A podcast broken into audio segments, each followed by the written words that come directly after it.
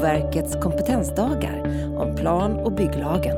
Från Münchenbryggeriet i Stockholm 14 och 15 december 2017. Det omöjliga är möjligt i det här passet. Även när det gäller PBL. Lennart Hjelm, föredragshållare på Boverkets PBL-dagar. Du är på plats under de här kompetensdagarna i egenskap av inspiratör skulle man kunna säga. Och eh, du pratade om att man ska schemalägga beröm och uppskattning. Kan du berätta lite om det? Bakgrunden var egentligen så här att jag hade en elev, eller det var en fredag, jag var ensam i skolan, drack kaffe, ingen annan lärare var där och eleverna skulle ha klassens timme, roliga timmen. Och det här var en sån här klass som man visste de skötte allt så jag hade kopplat av.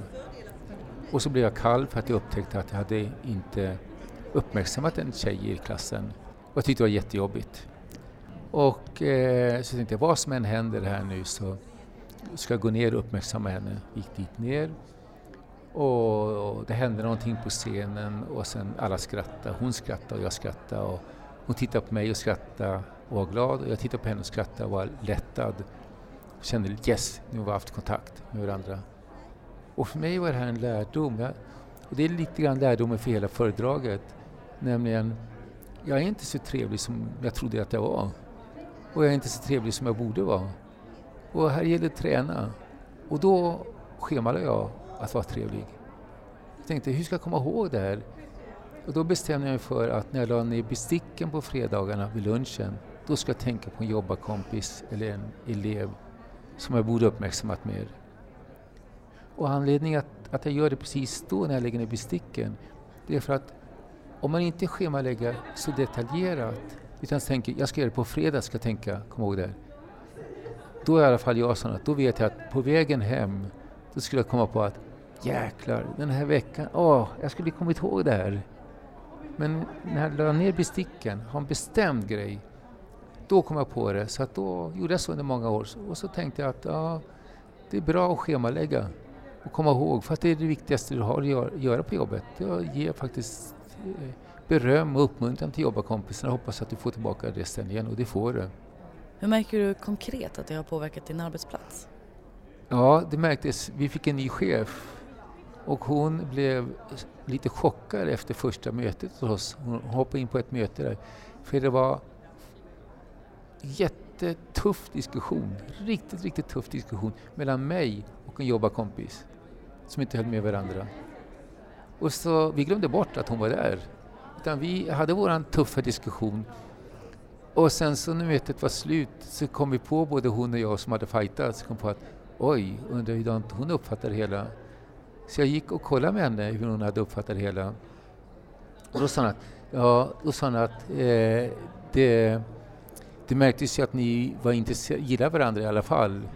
Jag hade upp, uppskattat henne många gånger och hon visade uppskattning mot mig. Det innebär att vi kan vara öppnare mot varandra. Vi kan liksom vara ganska tuffa diskussioner för vi vet att vi, det här är inte för att vi är osams. Jag tror att det, hjälper, att det är det som är, vi har varit öppna mot varandra, gett varandra beröm. Har, jag har liksom kommit ihåg och, på, och säga åt folk att jag uppskattar det de gör. Du pratade även om vikten att inte leta syndabockar. Hur påverkar det en arbetsplats? Alla, alla gör fel. Alla gör fel alltid. Och jag tycker till och med så här att man ska göra fel i olika situationer. Eh, vi ska, det ska vara ett sådant klimat så att vi gillar varandra så mycket och att man ska ha ett sådant accepterande av fel. Att om vi sitter fem, sex stycken så ska jag kunna säga en sak och nästan själv upptäcka när jag säger att det här var, åh, det här var det dummaste jag tänkt. Liksom. Och det gör ingenting.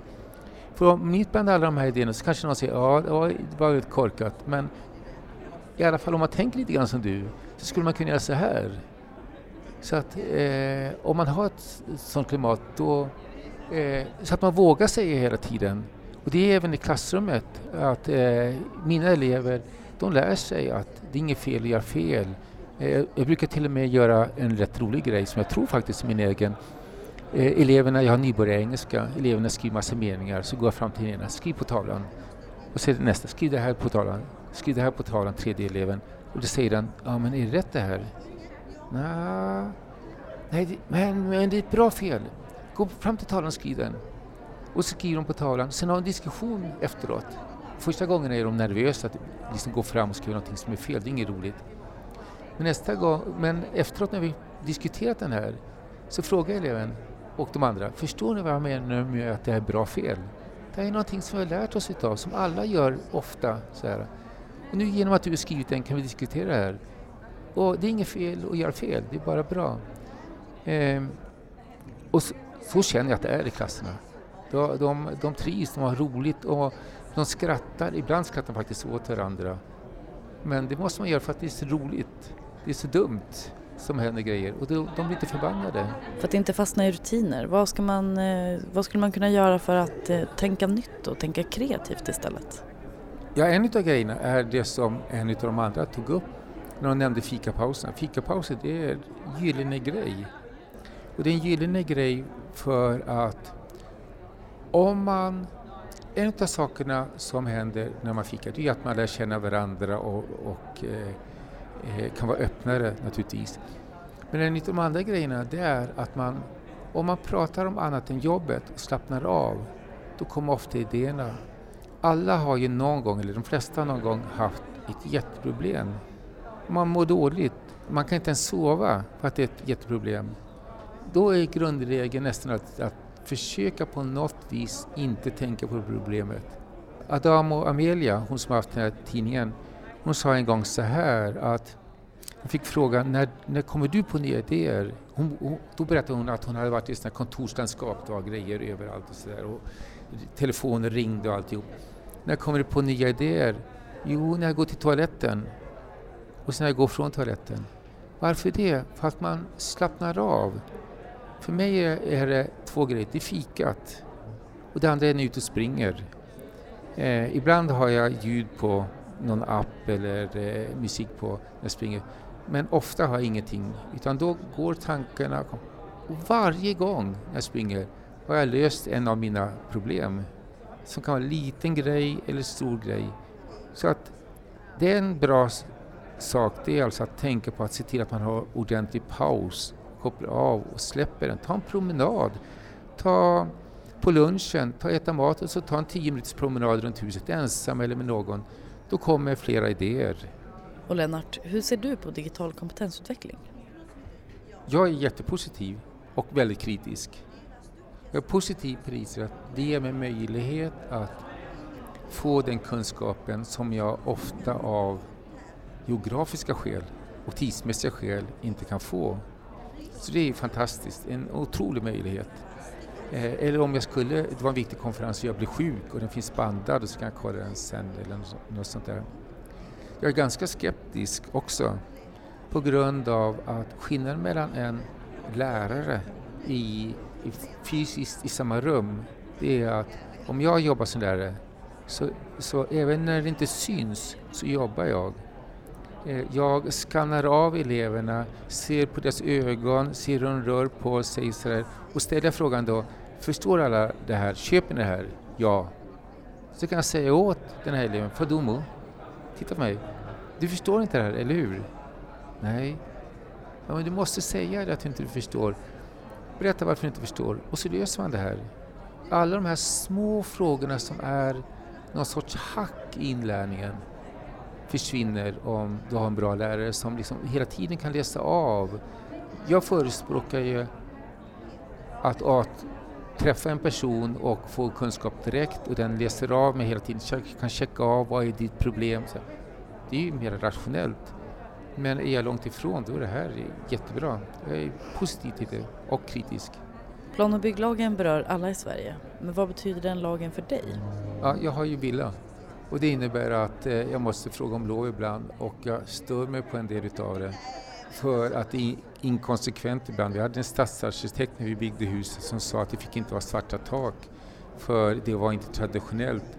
Medan alla de gamla husen hade svarta plåttak och vi var tvungna att ha röda eh, tegeltak ända tills en överklagade och då fick han svart tak, han överklagat.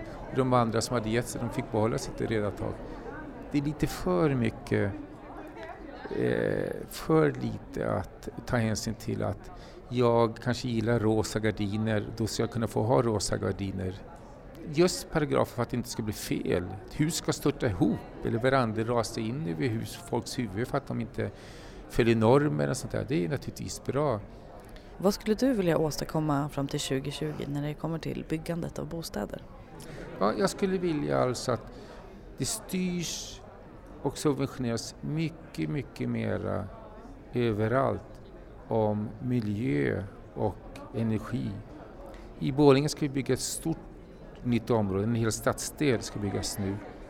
Och det är mycket som diskuteras och jag är förvånad nu efteråt, vi har haft möjlighet att säga saker och ting, jag är förvånad efteråt att det finns så mycket nytt när det gäller eh, trädgårdar i områden, att utnyttja vatten i områden, avlopp, energi. Det har hänt så mycket. Bara solenergin är så helt annorlunda nu än för 5-10 år sedan.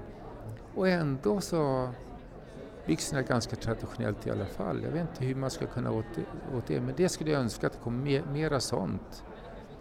Vi som sitter i gamla hus med 30-40 år, vi får stå vårt kast men ja, så. Tackar. Du har lyssnat på en podcast från Boverkets kompetensdagar om plan och bygglagen. Producerat av produktionsbolaget Munk.